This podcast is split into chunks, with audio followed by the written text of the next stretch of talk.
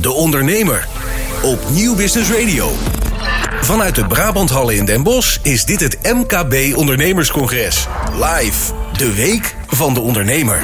Ook terug te beluisteren als podcast op deondernemer.nl. De podcast eh, van jou, Thijs van Dijk, en eh, van jouw eh, vriend Daniel Kok. Dus ik zou zeggen, barst los.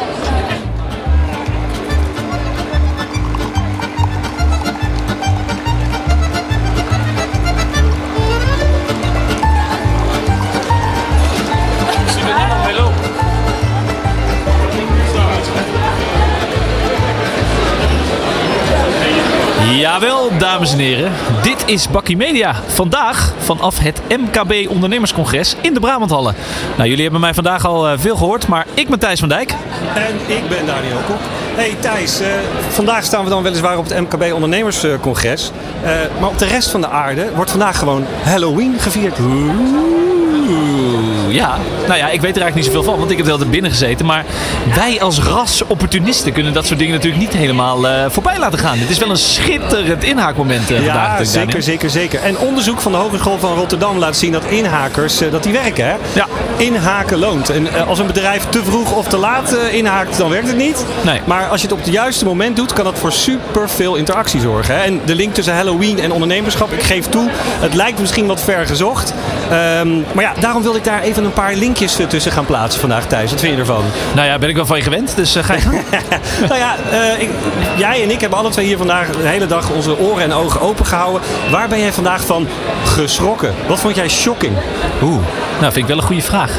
Nou, weet je, weet je wat het ding is? Uh, vandaag vieren we een beetje met z'n allen het feest van het ondernemerschap. Hè? Hart voor de zaak, de ode aan de ondernemer. Ja. En terecht, want uh, ik vind eigenlijk dat zonder ondernemers de BV Nederland volledig op zijn gat ligt. Ja, dat heeft niemand meer werk.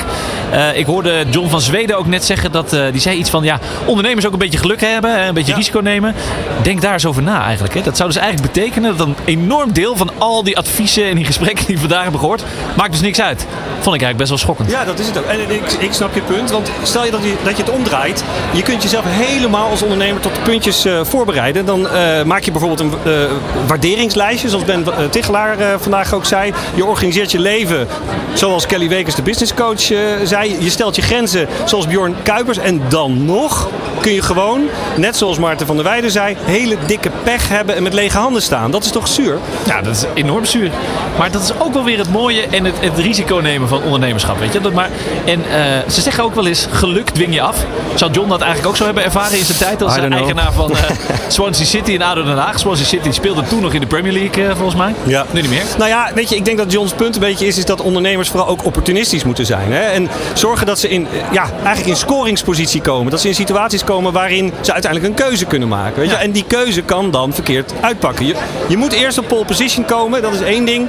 Maar ja, we hebben gewoon gezien met uh, Max Verstappen dit weekend uh, dat je toch ook een beetje geluk moet hebben. Nou, is die weer. En daar heb je wel gelijk in. Maar uh, Max heeft dan in het kader van Maarten van der Weijden de pech wel een klein beetje aan zijn broek hangen. Of was het aan zijn achterwiel? Zijn rechtervoet.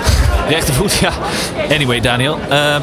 voor mij is het als ondernemer pas een nachtmerrie als de telefoon niet meer rinkelt. Oh, dus jij, jij als meneer de millennial, jouw telefoon rinkelt ja, gewoon nog. Zeker. Dat is best wel ouderwets, hè? Ja. Maar goed, heb jij ook zo'n draai met zo'n draaischijf nog? Nou, weet je, mijn vrouw is juist heel blij als de telefoon een keer niet uh, in mijn hand zit. Maar oké, okay, even terug naar Halloween.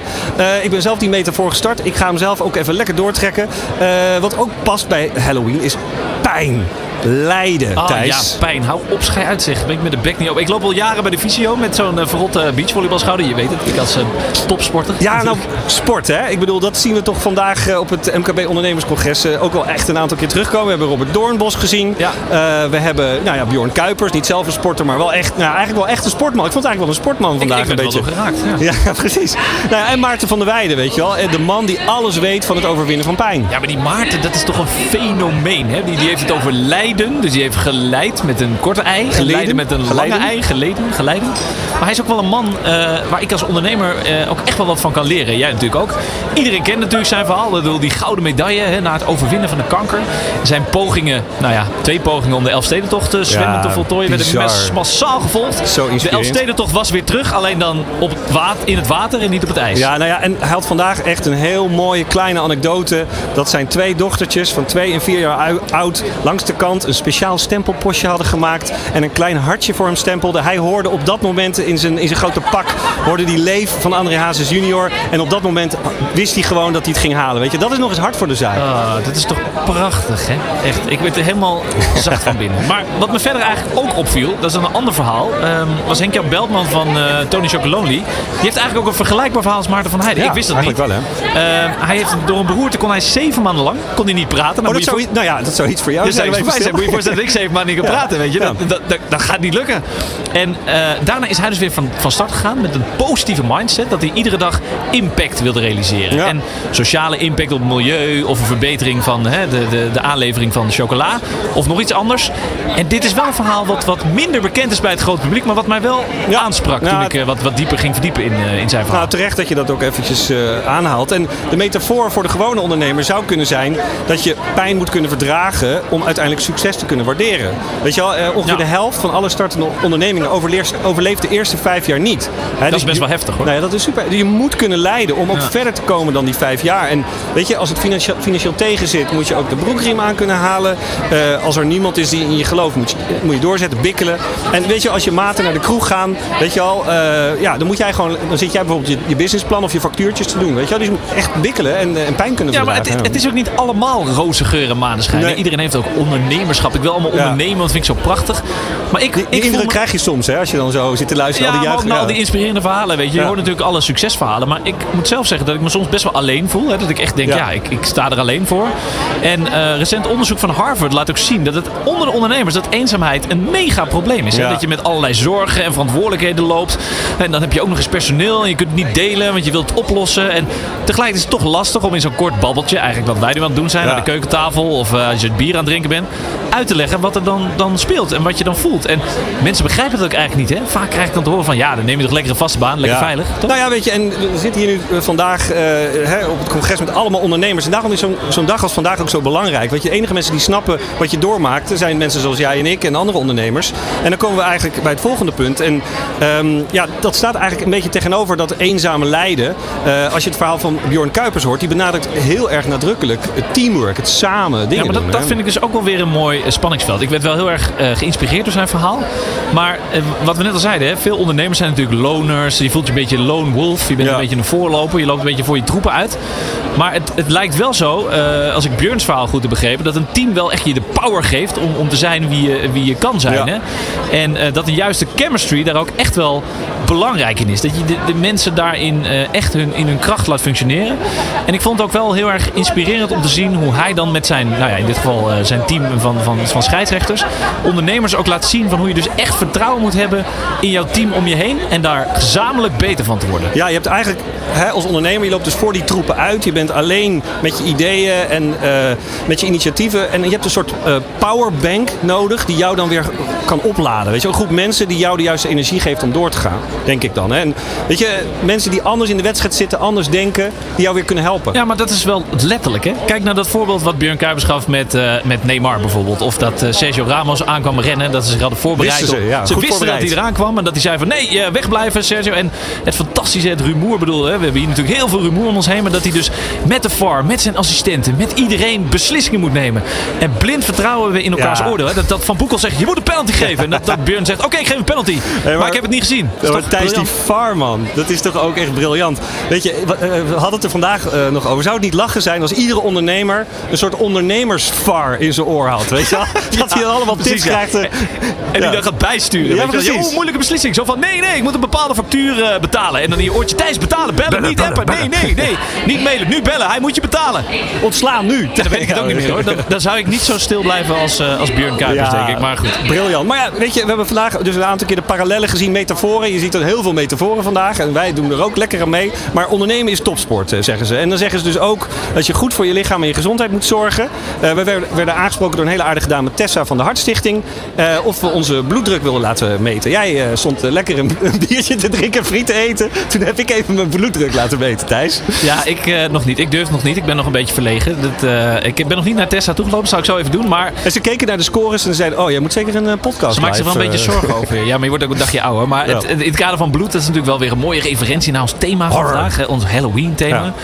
En ja, na zo'n dagje vol koffie, Daniel, heb ik wel zin in een biertje. Jij niet? Ik uh, zie waar je heen uh, wil. Uh, voor iedereen, voor de luisteraars, Peer Swinkels. Het loopt hier vandaag ergens rond, hè? Ja, zeker. Zo. Nu eerst een Bavaria. Het is wel echt een enorme hashtag spon hier. Maar ja, goed. nou ja, weet je, en als je het hebt over Peer Swinkels, heb je het over een rasmarketeer, hè? Formule 1 auto's op het Rode Plein. Hugh Hefner in een Nederlandse commercial. Denk daar eens over na, weet je wel. En geweldig wat hij ook gedaan heeft met de Bavaria jurkjes. Dat vind ik echt ja, mijn persoonlijke zeker. favoriet. Geniaal. Ik las een, ergens een uitspraak dat hij... Hij zei dat hij wilde regelen dat vrouwen niet meer met een oranje klomp op hun hoofd naar voetbal hoefden te kijken. Great vertising. Great for, nou, dat is, de, hè, dat is Heineken. Pas op, hè. Maar goed, weet je Daniel, vrouwen en bier. Ik, ik vind dat wel iets moois hebben. Want biermarketing is toch traditioneel eigenlijk het domein van de man. Mannen weten waarom. Weer zo'n ander biermerk. Hm. Uh, voetbal, Formule 1, uh, dergelijke, weet je. We hebben het er al uh, uitvoerig over gehad. Maar met dit jurkje, met dat Bavaria jurkje, wisten ze bij, bij Bavaria natuurlijk wel enorm slim die link met die vrouw te leggen. Ze kregen enorm veel exposure. Vrouwen zijn nog opgepakt volgens mij ook in die, in die tijd op het WK. Ja. Jurkjes waren gewoon niet aan te slepen. Nou ja, en, en het, natuurlijk de introductie van de 0.0 is natuurlijk ook echt briljant. En hè, vrouwen drinken vaker lager alcoholische bieren, blijkt uit onderzoek. Dus ja, heel slim. Nou, en over vrouwen gesproken, Daniel. Ja, moeten we even uh, over hebben. Ik vind dat we daar toch ook even een ode aan moeten brengen. Een ode aan de vrouwelijke ondernemer. Weet je, ik, ik ben uh, op zoek gegaan. Hoe staat het nou eigenlijk met de vertegenwoordiging van de vrouwelijke ondernemer op dit evenement? Nou, ik heb even de site van de ondernemer erbij gepakt, van het congres. En even geteld. en er zijn in totaal 18 mannelijke sprekers op dit moment en 8 vrouwelijke sprekers. Dus zeg maar, nou, 30 procent. als je het hebt over dingen die ik dan een beetje shocking vond, Daniel, dan kan het toch wel een beetje op die lijst. Ik vind, ik ja, vind dat de vrouwen toch wel een beetje ik sprong moeten maken. Ik voel hem. Uh, maar Thijs, het gaat niet alleen over kwantiteit. Hè? We hebben vandaag ook Kelly Wekers horen praten. Zeker. Echt een kwaliteitsexpert. En die dame is echt extreem georganiseerd. Hè? Dat is echt niet normaal.